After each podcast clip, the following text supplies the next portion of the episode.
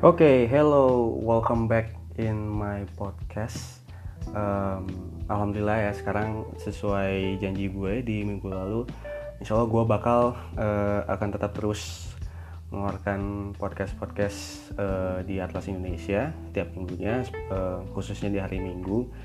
Ya karena ya gue ya seperti yang gue katakan di minggu lalu juga, um, gue nggak bisa terus-terusan harus menunggu atau mengundang teman-teman lain yang buat buat ikutan di podcast gue uh, setiap minggunya gitu. Jadi jadi uh, gue tetap meniatkan untuk apa pun yang terjadi gue gue harus bisa bikin podcast setiap minggunya gitu. Dan alhamdulillah untuk minggu ini um, hadir lagi di ya kalau gue sih ngerekamnya di malam minggu ya tepat di malam minggu.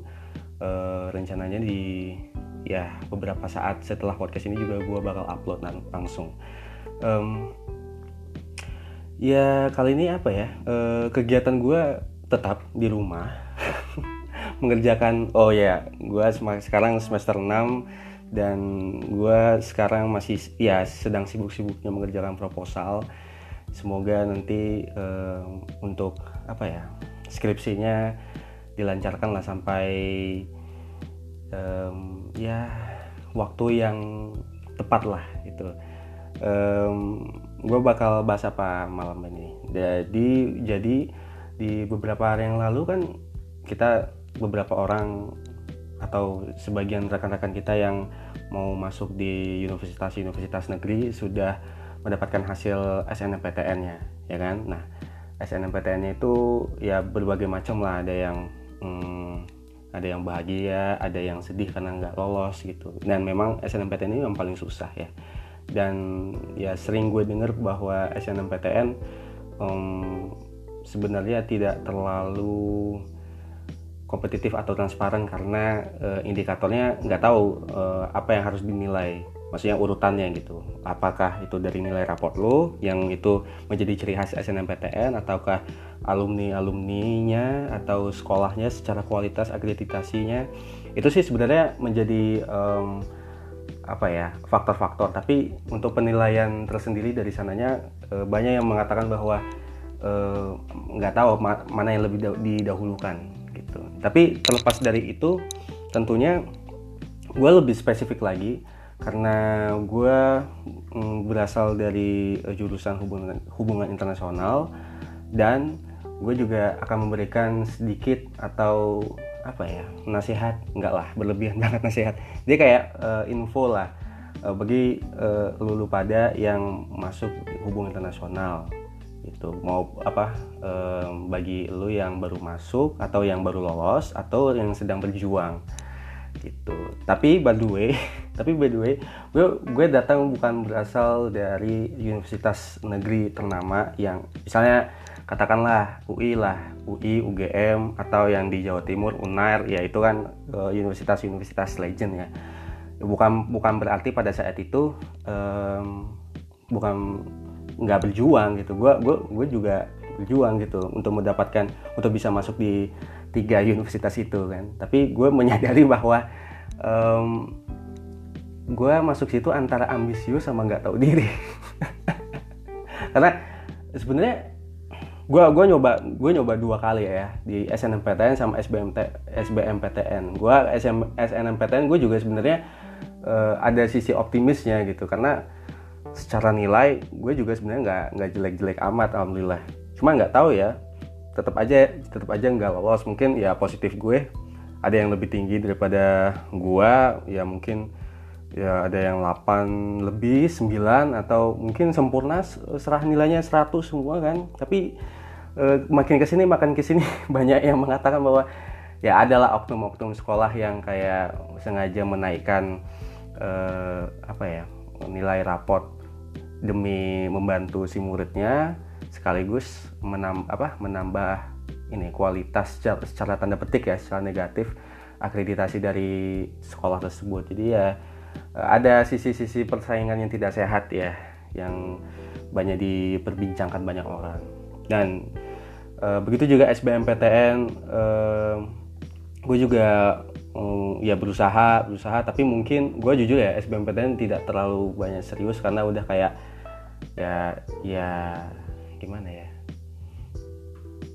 Ya satu males sih ya itu itu salah gue. Rada males untuk serius. Terus yang kedua um, mungkin gue terfokus ke swasta ya. Oh iya gue juga sekali lagi kalau misalnya lu tidak tahu siapa Alwi Akbar sebenarnya sebagai host Atlas Indonesia gue datang dari uh, universitas um, universitas swasta yang berbasis di Malang yang dinaungi oleh uh, salah satu organisasi Islam terbesar di Indonesia. Pokoknya gue nggak mau nyebutin namanya macam-macam, mungkin lu pada tahu atau gue inisialin aja biar biar biar tidak ini. Pokoknya pokoknya organisasi itu berprinsip mengikuti akidah atau mengikuti uh, sunnah-sunnah uh, Nabi Muhammad dah itu aja lah. yang berbasis di Malang udah gitu lah aduh uh, Muhammadiyah Malang aja lah dah biar biar biar jelas. Oke okay, uh, pokoknya uh, di di sesi pertama mungkin gue akan membagi ini di sesi pertama dan kedua. Uh, gue akan gue akan membicarakan bagaimana gue uh, bisa terjun atau ya terjun untuk memilih hubungan internasional dari perjuangan gue uh, SNMPTN, SBMPTN hingga swasta atau mungkin udah gue gua udah um, um, apa ya mengikuti beberapa ujian lain selain dua ujian itu uh, hingga ke swasta uh, ya. Terus habis itu di sesi keduanya gue bakal menceritakan pada saat masuk dan bagaimana perjalanan gue sampai ya alhamdulillah bisa bertahan di semester yang menjelang semester dua semester tua ini ya dan mungkin di uh, di akhir-akhir gue kayak kasih uh, pandangan terhadap mungkin beberapa orang yang masih berjuang untuk masuk hubungan internasional atau masih memilah-milah nih mungkin sebagian besar dari lu tahu hubungan internasional tapi nggak tahu bagaimana mekanisme atau apa sih yang dipelajari hubungan internasional jadi stay tune aja stay tune aja di uh, podcast Atlas Indonesia.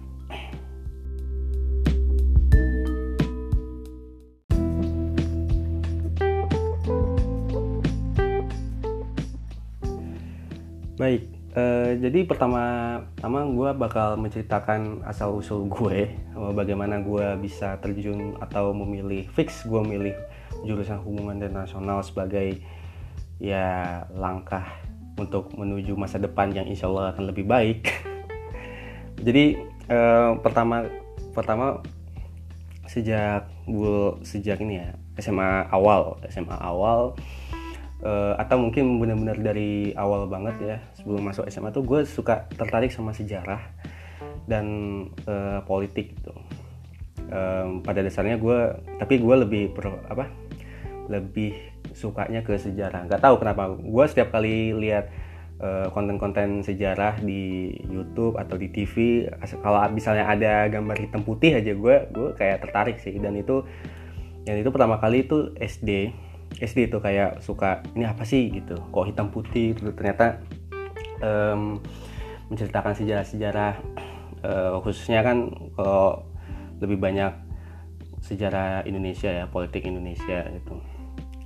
Dan dan dari situ gue suka sejarah eh, dan awal SMA tuh karena sebenarnya gue SMA tuh udah udah langsung milih ya eh, harus IPA atau IPS gitu. Ya pastinya gue uh, pilih IPS karena ya dari dulu ya dari dulu. Uh, seperti seperti pada anak IPS lainnya yang memilih IPS karena ya nggak bisa ngitung nggak bisa nggak bisa matematika nggak bisa ya pokoknya e, cari istilahnya kasarnya pelampiasan untuk menghindari atau setidaknya mengurangi banyaknya angka-angka dalam otak yang harus banyak banyak yang harus dipelajari. Jadi ya ya gue juga masuk IP ya itulah kenapa gue masuk IPS itu dan e, pada saat masuk IPS gue juga makin gencer-gencernya lagi. Mm, gue apa suka mm, dunia politik itu pada pelajaran PKN makanya makanya kalau di SMA tuh nggak pernah nilai nilai tertinggi itu uh, nilai tertinggi gue tuh selalu di PKN alhamdulillah. Habis itu uh, ya sosiologi. Habis itu baru bahasa Inggris. Itu pun ya kayak gitulah. Pokoknya uh, gue suka sejarah sama politik. Um, ya berawal juga dari uh, pelajaran sejarah juga ya pelajaran sejarah dan uh, pendidikan keluarga negaraan. Nah tapi gue sejak apa namanya masa-masa SMA tuh gue masih bingung kalau bisa ditanyain ntar habis SMA mau masuk apa? Gitu dan di tengah-tengah kebingungan gue itu uh, pertama kali yang bapak gue bapak gue kayak nawarin kenapa nggak masuk ini aja? Kenapa nggak masuk akip kenapa ya gue juga nggak mau masuk akip oh jadi sebelum itu ya sebelum itu gue jelasin akip itu adalah Akademi Kedinasan Ilmu Pemasyarakatan. Nah, dari ilmu pemasyarakatan itu kalau misalnya lu mau masuk situ dan keluarnya lu jadi lu bekerja di lembaga pemasyarakatan aka lapas.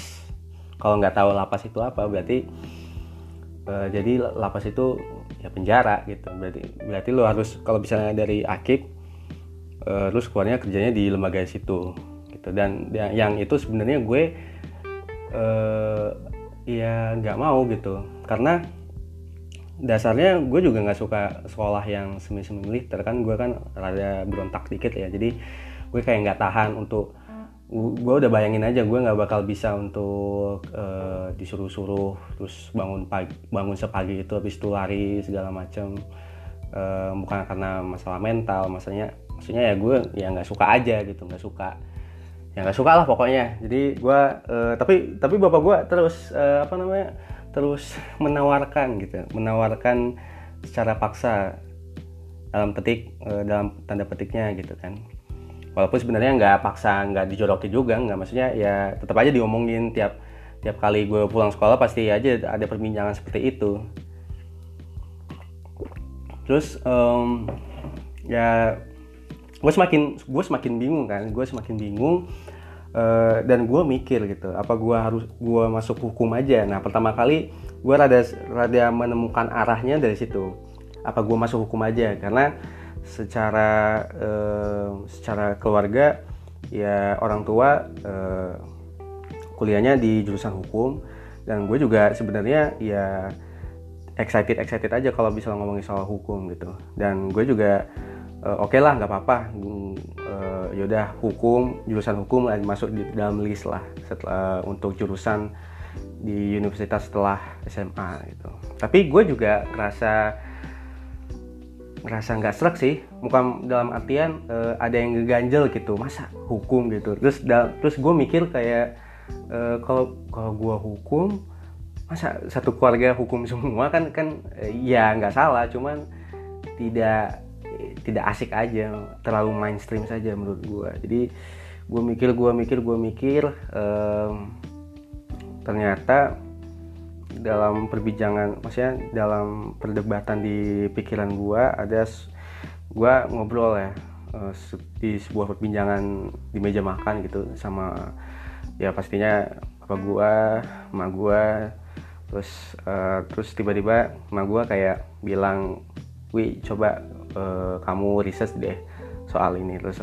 terus dia megang HP kan dia browsing juga seperti uh, dan dia ngasih HP-nya ke gua. Tulisannya ada hubungan internasional. Tapi gua belum notice sih tapi kayak namanya wah gitu. Agak wah apa ini hubungan internasional? Kita ada hubungan internasional.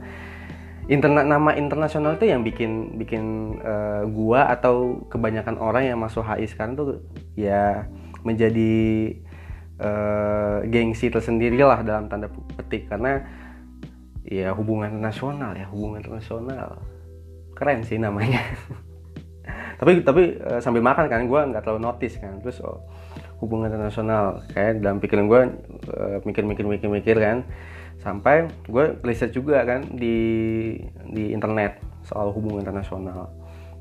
Dan itu um, iya membuat gue kayak oh bisa nih keren keren. Nah alasan gue uh, kayak tertarik ya ini ini ini tulisan yang sangat uh, yang gue baca ini yang sangat yang menuju arah ke situ. Gimana sih gue ngomongnya? Belibet banget sih. Efek podcast sendirian dan lama itu kayak gini nih ngomong ngobrolnya suka ngalor ngidul. Pokoknya gini gue pas baca baca itu uh, baca artikelnya ada satu kata di bagian pokoknya menjelaskan jurusan ini bisa kerja sebagai apa gitu. Adalah uh, diplomasi gitu. Ball and underline itu diplomasi. Yang paling yang paling utama kalau misalnya lu uh, anak HI dan lulus nah ciri khas dari anak HI bisa bekerja di diplomat nah dan itulah yang membuat gua kayak uh, memasukkan list juga memasukkan list untuk sebagai um, pilihan gua di uh, di ah, buat buat uh, pilihan gua buat kampus gitu. Pokoknya gitulah. Nah um, lama kelamaan lama kelamaan gue masih semakin kepo sama hubungan internasional ini daripada hukum.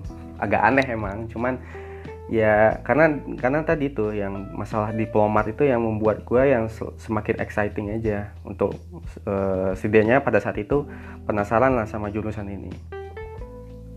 Dan uh, terus gue nanya-nanya kan sama mak gue kan kok bisa tahu kok dapat dapat uh, artikel ini atau dapat nama jurusan ini dari mana gitu. Rupanya ya biasalah ibu-ibu kan e, ketemu sama ibu-ibu lain yang ngobrolin soal anaknya kuliah di mana kerjanya apa biasalah. Jadi mak gue berkumpul dengan emak-emak lainnya membicarakan e, itu. Dan yo yaudah um, terus gue ngobrol-ngobrol-ngobrol lagi. Ini sih yang paling ini yang jadi uh, turning point gue untuk benar-benar fix di hubungan internasional. Jadi um, gue sangat berterima kasih sama mama gue ya.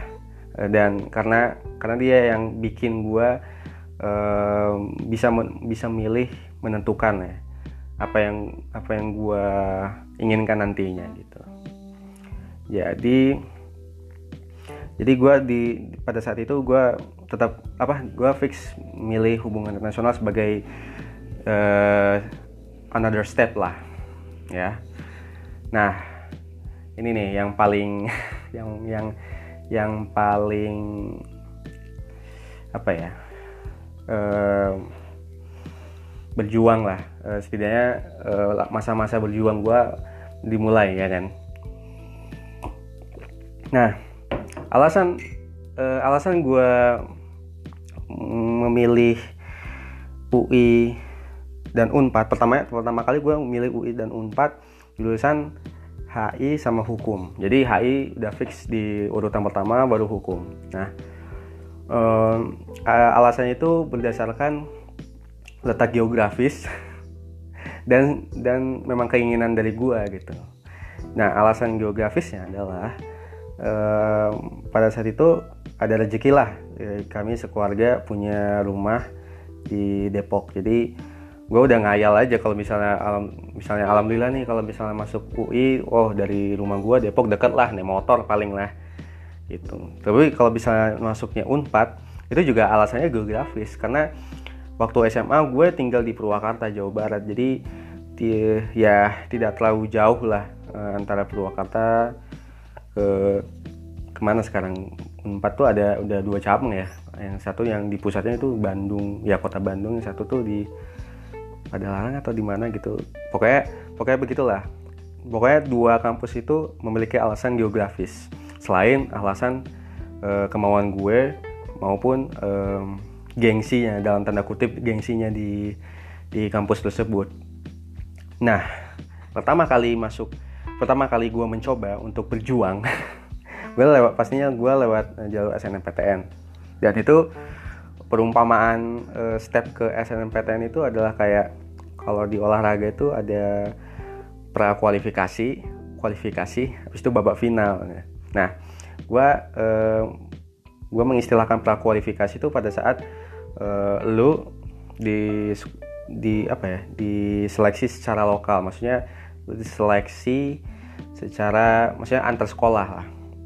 Ya kan diurutkan. Nah dan itu dari situlah kuota uh, kuota lokal atau kuota sekolah untuk bisa lanjut lagi ke sampai ke eh, SNMPTN yang sesungguhnya. Dan dan di tahap pertama gue alhamdulillah uh, masuk ya nah ini nih yang paling kacau nih. Tapi tetap aja gue milih uh, dua kampus itu ya dua kampus itu. Dengan dengan pertimbangan atau modal nekat lah yang penting gue gue coba lah gue coba. Kapan lagi kan bisa nyoba dan mana tahu bisa berhasil di di antara dua kampus apa ya dengan basis HI terbaik di Indonesia ya kan. Terus um, ya gue masuk gue mencoba dan itu kan rentan waktunya satu bulan ya kalau nggak salah di SNMPTN nah gue gua masuknya itu dengan rasa percaya diri karena sep seperti yang gue sebutkan sebelumnya nilai gue tuh oke okay lah gitu. Tidak tidak tidak jelek gitu tidak jelek tidak jelek. Um, masuk di situ sebulan kemudian ya tahu sendirilah hasilnya tidak lolos. Dan gue kayak oh, kecewa tapi kayak oke okay, oke okay, SBM SBM nah di SBM gue lebih agresif lagi nih. Wah UGM ya kayak gimana ya kayak um, kayak cinta buta aja gitu kayak buta aja. Yang penting gue gue nyoba um, uh, harus bisa harus bisa di apa di SBMPTN-nya jadi jadi uh, nambah lagi kan kalau SBMPTN kuotanya lebih luasa ya. Karena SNMPTN lebih ke dua dua kampus dua kampus dua jurusan. Nah sedangkan kalau misalnya di kalau misalnya di SBMPTN tiga kampus atau tiga ya tiga kampus tiga jurusan atau tiga kampus dua jurusan I don't know gue lupa um, pokoknya itu pokoknya hukum HI hukum HI hukum. Nah nambah ini doang. Nambah nambah di UGM oh ya kayaknya tiga kampus dua jurusan. Karena singkat gue gue ngorbanin UI di hukum supaya gue bisa uh, nekat uh, masukin HI di UGM jadi um, formasinya formasinya UGM kalau di UGM HI hukum. Unpad HI hukum. Jadi sisa sisa satu aja yang di UI hukum doang gitu kan. Dan uh, eh, gue masih ingat banget sih uh, tesnya itu di UIN Bandung kalau nggak salah. Ya UIN Bandung pakai pakai komputer. Terus kayak gue ya udah sek sek sek sek. Gue sempat ya belajar tapi gue kayak merasa kayak eh, nggak uh, ada yang sisi yang tidak terlalu serius gitu. Jadi tapi gue udah uh, jalanin aja tuh SBMPTN-nya kan. Nah itu nunggunya agak agak lama sih. Dua bulan atau satu bulan satu bulan dua bulan gitulah. Nah di situlah kayak benar-benar kecewa nggak lolos uh, eh, SBMPTN dan gue benar-benar sadar kayak gue bilang gue gue milihnya antara antara antara ambisius sama nggak tahu diri gitu. Jadi itulah yang menyebabkan gue nggak bisa masuk. Nah e, sebenarnya di e, di samping gue tetap memperjuangkan negeri gue juga sambil ini sambil berusaha juga di swasta. Karena bakal sering ya sering dikasih tahu juga sama orang tua gue bahwa ya lu harus nyari yang swasta juga karena lu nggak bisa hidup negeri mulu gitu. Kalau bisa nggak lolos di negeri setidaknya swasta juga bisa ngecover maksudnya dalam istilahnya gitu. Dan gue juga prinsipnya eh, negeri sama swasta ya sama-sama aja. Gue juga tidak mau membedakan mana yang paling hebat. Selama eh, di kampus tersebut ya kualitasnya sama kayak kampus-kampus yang ternama lainnya jadi gue juga di swasta nggak bisa milih nggak mau milih sembarangan. Nah jadi ceritanya uh, oh ya langsung aja lah. Uh, nggak ya gue juga masih nggak nyangka ya bisa bisa milih di di di Malang sebagai uh, pilihan utama gue untuk kampus swasta. Karena sebenarnya gue um, gue dijejelin harus harus swasta di Bandung. Karena uh, ya di Bandung juga banyak yang jurusan HI kalau Malang kan jauh lah itu uh, salah satu faktor geografisnya yang terlalu jauh. Nah sebelum sebelum sebelumnya waktu SMA ini flashback lagi nih waktu SMA gue uh, pernah ke Malang. Jadi bapak gue pernah tugas di Jawa Timur terus singgah ke Malang buat jalan-jalan maksudnya jalan ke Batu lewatin kampus yang gue naungi yang gue masuk sekarang ini di Muhammadiyah Malang nih. Jadi gue lewat eh, kampus UMM dan lihat kampus itu kan gede di mata gue ya pada saat itu ya. Kan belum belum tahu uh, isinya seperti apa. Tapi kan setidaknya gambaran yang uh, lu tangkap pada saat pertama kali lihat UMM kan gede. Dan itu bener gede sih. Kayak oke okay, ini kampus ditunjukin ini kampus Muhammadiyah Malang wi. Oh iya iya iya. Dan dan itu uh, sejak saat itu terus pas gue kayak istilahnya dijijilin um, harus kampus apa harus cari kampus swasta gue langsung teringat Malang mulu gitu. Maka gue searching lah soal itu. Dan ternyata ada dan ternyata ada HI ternyata ada alhamdulillahnya. Dan gue uh, ikut tes jalur raport. Itu kayak SNMPTN lah. Kan kalau SNMPTN kan jalurnya jalur rap, uh, penilaian raport. Ini juga di UMM juga sama. Jadi, jadi gue ngirimin uh, apa namanya transkrip nilai dari raport habis itu kirim ke sana. Dan itu sebenarnya gue nggak terlalu mikir sih uh, karena mas gue pada saat itu masih optimis optimis saja masuk negeri gitu. Setelah SBMPTN uh, eh, gue inget banget tuh hari Jumat jam 9 jam 10 pagi. Gue nonton net TV soal kegiatan kampus UMM gitu. Terus terus gue uh, dan dan di hari Jumat itu gue baru ingat itu ini kan hasil ini pengumuman hasilnya pengumuman hasilnya. Pengumuman hasil uh, buat kampus UMM terus gue buka-buka buka langsung deh. Gue juga nggak nyangka sih ternyata gue gua gua alhamdulillah keterima di jalur tersebut kayak mikir perasaan di SBM di SNMPTN gue nggak lolos kenapa di kampus kampus ini bisa lolos ya gue gitu. Walaupun uh, eh, gue akhirnya menyadari uh, beberapa tahun kemudian bahwa sebenarnya gue bisa lolos di jalur tersebut karena memang ada kebijakan penambahan kuota di jurusan tersebut. Jadi oh yaudah bisa bisa lolos di jalur raport gitu. Nah begitulah uh, perjalanan saya secara ringkas dan singkat saya ceritakan kepada kalian semua tentang bagaimana perjalanan saya um, memilih hubungan internasional dan bagaimana perjuangannya.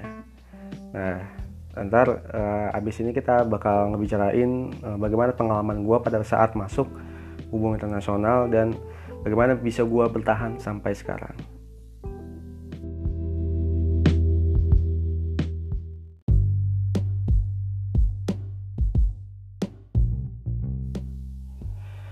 Nah, um, alhamdulillah gue masuk di jurusan hubungan internasional Universitas Muhammadiyah Malang di bulan September tahun 2017 nah uh, ya gue angkatan 2017 pada masa uh, eh waktu gue masuknya.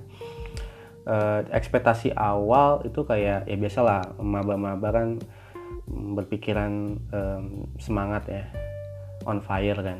Kayak ah gue bisa nih mumpung jurusan yang gue pilih ini benar-benar jurusan pilihan gue um, tanpa ada unsur pemaksaan dan lain-lain sebagaimana gitu. Nah, pikiran gue soal HI menjelang masuk um, kuliah itu adalah uh, ya udah politik, ekonomi, terus ya itu dan itu juga sebenarnya benar. Cuman yang gue bikin kayak kaget gitu ada beberapa hal teori ya pasti sebenarnya ada. Di setiap ilmu pengetahuan apa pun ada uh, teori-teorinya. Cuman kayak apa ya um, ya mungkin karena pertama kayak gue kaget aja gitu. Um, terus yang yang kedua uh, tugas-tugasnya tuh gue pikir kayak public speaking atau diskusi aja. Pokoknya diskusi aja gitu. Rupanya banyak menulis dan membaca jadi banyak yang mengistilahkan anak-anak itu kalau udah ngasih tugas tuh udah sampai mabuk jurnal gitu. Jadi uh, di hubungan internasional tuh uh, lu harus bisa eh atau memang mungkin kok memang mungkin? Pokoknya memang lu harus di uh, ditingkatkan kemampuan analisa dengan cara membaca dan setelahnya itu harus menulis. Makanya penting sekali lu harus bisa uh, up to date soal um, perkembangan isu-isu dan bisa dan sebisa mungkin dihubungkan dengan teori yang lo pelajari. Kayak hubungan internasional kan secara dasarnya mempelajari realism dan liberalism. Nah perbedaan dua itu gue selalu menggampangkan antara realism itu adalah nama juga realis di mana mempercayakan bahwa semua sistem tatanan dunia itu berdasarkan um, keamanan. Pokoknya keywordnya itu keamanan. Sedangkan kalau misalnya di liberalis itu gue eh, uh, itu lebih menitik beratkan pada kerjasama. Itu aja sih. Itu dua teori itu aja yang gue atau dua perspektif itu aja yang benar-benar gue ketahui. Dan itu pun juga di disimplifikasikan sama gue nggak nah gue juga nggak belum tentu bisa menjelaskan secara detail sejarah dan bagaimana pemikiran alurnya seperti apa kan. Gue ya nggak ahli lah gitu. Dan uh, ya sayangnya uh, di semester pertama banget tuh nilai uh, nilai jeleknya di situ. Di semester pertama karena ya gue juga uh, kaget bingung um, karena secara manusiawi ya pertama kali masuk pertama kali masuk itu menjelang menjelang masuk tuh mikirnya hitam dan putih gitu. Ternyata untuk menjelaskan hubungan nasional itu tidak segampang hitam dan putih harus harus mengerti kenapa dia hitam kenapa dia putih. Jadi eh, nggak bisa mengambil kesimpulan baik dan buruknya.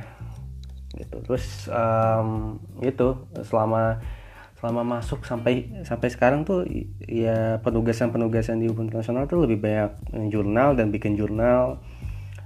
Kalau presentasi ya sudah biasa. Nah ya tapi itu yang lebih sering um, itu lebih banyak di akhir-akhir semester sih kayak final uh, final task di di setiap semester. Nah, um, ada beberapa mitos yang bilang kalau misalnya lu mau lu mau masuk HI itu lu lu belajarnya pakai sambil pakai bahasa asing. Nah, bahasa Inggris sama buat ya bahasa Inggris terutama.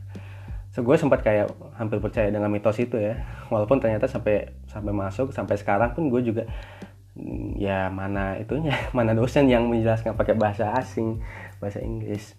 Ya sebenarnya ada di kampus gue cuman kan dosennya tidak tidak di kampus gue lagi. Sekarang dia katanya sedang menempuh pendidikan di luar negeri. Jadi jadi beliau ini jadi beliau ini kalau misalnya ngajar dia pakai dua bahasa bahasa Inggris sama bahasa Arab. Di mana uh, ya mata kuliah yang diampuni itu Timur Tengah. Gue sebenarnya gue gue sebenarnya gue sebenarnya ngefans sama dosen yang ini. Cuma di satu sisi di satu sisi gue kayak ya alhamdulillah nggak ketemu sama beliau. Soalnya gue udah bisa bayangin kalau misalnya satu kelas terus harus ditanyakan bahasa Inggris. Ya kalau bahasa Inggris oke okay lah hampir semua orang ya walaupun tidak sempurna tapi uh, ada yang ngerti lah. Kalau bahasa Arab kan bahasa Arab ditanya bahasa Arab. Ya ampun. Kan banyak juga yang um, tidak terlalu memahami bahasa asing selain bahasa Inggris. Orang bahasa Inggris saja pada kelengar ya kan? Nah itu itu mitos yang yang pertama sih. Terus yang eh, pengalaman gua selama di hubungan nasional itu nggak tahu ini ini berlaku juga di kampus lain atau di kampus ya ya, ya maksudnya ya hanya di kampus gue atau berlaku di kampus lain juga. Soalnya setiap yang gue tahu setiap setiap kampus tuh setiap kampus yang ada HI-nya itu ada sebuah ciri khas. Eh, nggak e, tahu ciri khasnya apa. Pokoknya kalau di kampus gue di UMM selalu menitik beratkan pada regional. Jadi pembahasan kita tuh per regional e, satu regional tuh membahas semua sektor jadi hmm, ini juga ini ini yang gue jelasin uh, sampai bisa bertahan sampai sekarang adalah um, gue menemukan minat di HI-nya itu sendiri. Jadi jadi gue suka HI tapi di HI-nya ada minat tersendiri gitu. Nah um, di kampus gue tuh harus setiap mahasiswa tuh harus memilih dua dua regional ya dua regional uh, antara Asia dan non Asia sebenarnya ada tiga Asia Tenggara tapi kan hitungannya wajib kan sama kampus nah yang pilihan itu ada harus ada dua non Asia sama Asia. Nah kalau Asia ini kan eh, Asia Timur Asia Tengah Asia Selatan sampai Timur Tengah. Nah, sedangkan yang yang non Asia ini lebih ke Eropa, Amerika sampai ke Pasifik. Maksudnya ya Pasifik, negara-negara kecil kayak Solomon, Fiji dan kawan-kawan gitulah. Nah, um, yang pertama dari non Asia yang yang apa namanya pemilihannya itu antara Eropa, Amerika sama sama Pasifik. Dan gue memilih Eropa karena kalau gue gua milih Amerika itu terlalu mainstream dan bener di Amerika itu ya bener-bener ngebahas soal Amerika Amerika Serikat. Bukan ya maksudnya ada pembahasan soal Amerika Selatan tapi kan lebih ke Amerika Serikat.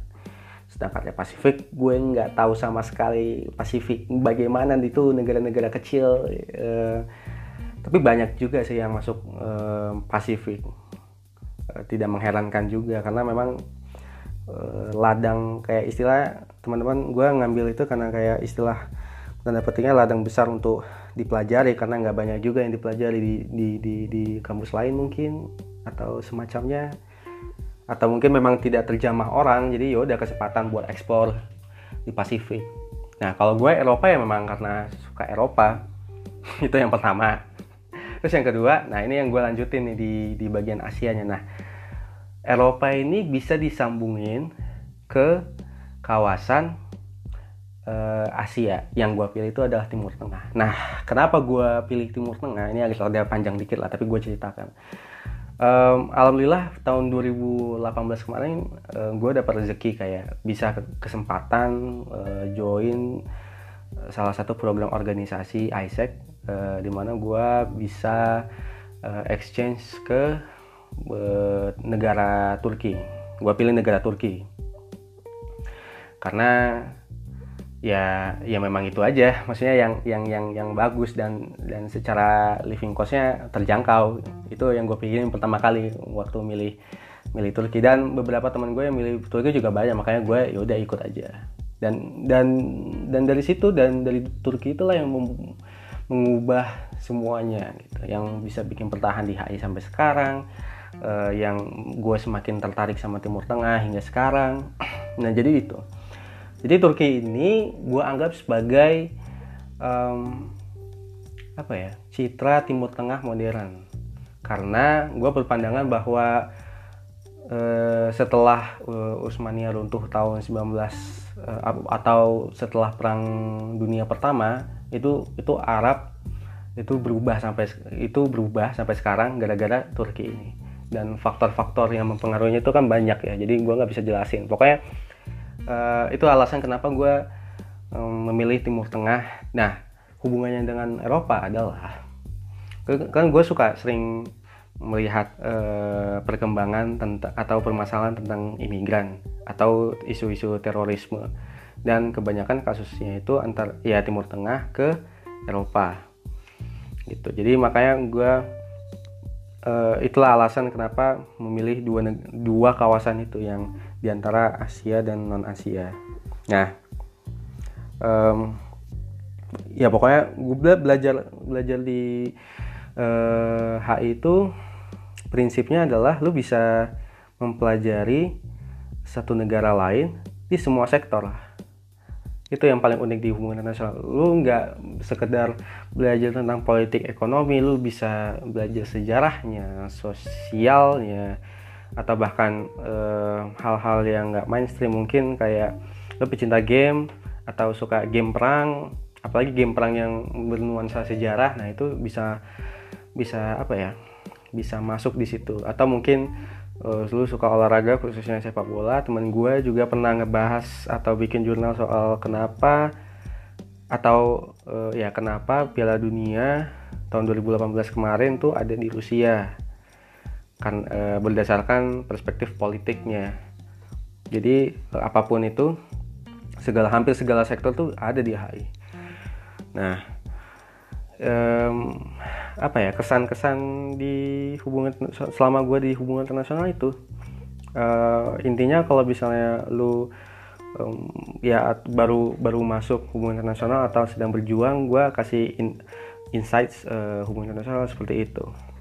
Makanya tugas tugas-tugas kita sebagai anak AI lebih banyak membaca uh, ya lebih membaca untuk isu sekarang maupun sejarahnya.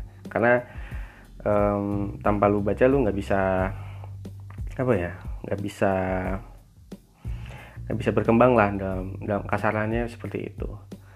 Nah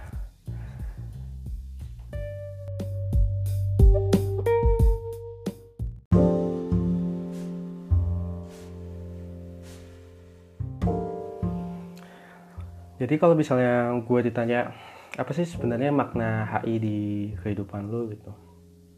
Bagi gue banyak. Hubungan internasional hubungan internasional itu um, salah satu cara gue untuk bisa menggapai apa yang gue pengen uh, mau ya di di dalam kampus maupun di luar kampus. Dan memang rezeki orang beda-beda ya. Uh, kalau gue seperti yang gue katakan sebelumnya atau gue ceritakan sebelumnya hmm, alhamdulillah gue dapat rezeki di luar kampus. Gue masuk atau gue ikut uh, program organisasi gue di ISEC dan gue bisa uh, ya gue bisa datang ke negara yang sebenarnya gue bisa lihat di televisi. Dan gue sebenarnya nggak nyangka bisa datang ke tempat-tempat sejarah yang yang yang ada di YouTube di di TV atau di buku-buku gitu um, salah satunya itu salah satunya itu.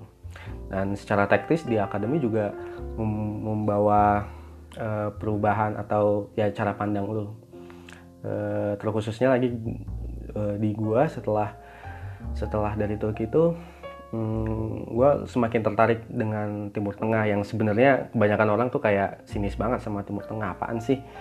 Apa belajar Timur Tengah konflik mulu. Terus atau atau yang lebih kayak apa sih belajar di gurun apa lu ya, ya ya semua semua punya minatnya masing-masing. Tapi kalau misalnya di gua di HI ya itu. Uh, semakin uh, penasaran terhadap um, perkembangan suatu kawasan. Dan uh, ya bagi lu sekali lagi aku katakan kalau misalnya lu merasa nyasar di HI atau baru masuk HI tapi nggak tahu bagaimana gambarannya itu gambarannya. Yang penting uh, yang penting lu bisa uh, berusaha untuk tertarik setidaknya um, pokoknya baca lah baca. Baca di artikel berita atau mungkin lu bisa membaca apa yang lu suka lalu dihubungkan dengan isu internasional. Bisa banget bisa banget. Kayak ya mungkin um, beberapa orang di luar sana yang di HI juga ya setuju dengan hal ini ya. Um, karena satu dunia membahas segala sektor dan dan itu yang menambah nilai plus lu sebagai anak hubungan internasional dan yang paling penting pasti pasti banyak yang ditanyakan sama orang-orang kalau misalnya hubungan internasional itu bisa kerja apa aja sih gitu. Kalau ya kalau di teknisnya di hubungan internasional secara umum tuh banyak banyak ngomongin soal diplomat karena memang ciri khasnya itu uh, sebagai diplomat. Tapi sebenarnya set, apa namanya selain diplomat juga banyak sektor yang bisa lu masuk untuk untuk pekerjaan. Misalnya lu sebagai wartawan ya kan? Atau mungkin lu bisa uh, bekerja di sebuah uh, sebuah bank atau ekonom lah ya yang berkaitan dengan moneter. Dan banyak hal lain seperti apa ya hmm, gue belum research lagi sih. Uh, yang gue tahu cuman cuman tiga itu aja. Tapi tapi gue percaya banyak sih di hubungan, internasional. Mungkin lo bisa jadi pengusaha bisa. Dengan dengan modal uh, keilmuan hubungan internasional juga bisa jadi usaha pengusaha. Ya itu. Pokoknya um, di sesi terakhir ini gue berusaha untuk kasih tahu ke teman-teman yang baru lulus dengan uh, predikat masuk jurusan hubungan internasional itulah yang gua, itulah yang lu hadapi pada saat ya kemungkinan kemungkinan yang lu hadapi pada saat masuk di kuliah yang sebenarnya. Nah sekarang um, uh, tantangan di hubungan di jurusan hubungan internasional tuh kayak kayak tugas. Kalau tugas sih sebenarnya gue nggak mau komplain cuman ya um, akan akan banyak jurnal yang harus lu baca. Yaitu uh, apa lagi ya? Setahu gue itu sih. Kayak uh, ciri khas hubungan internasional tuh mungkin seperti itu.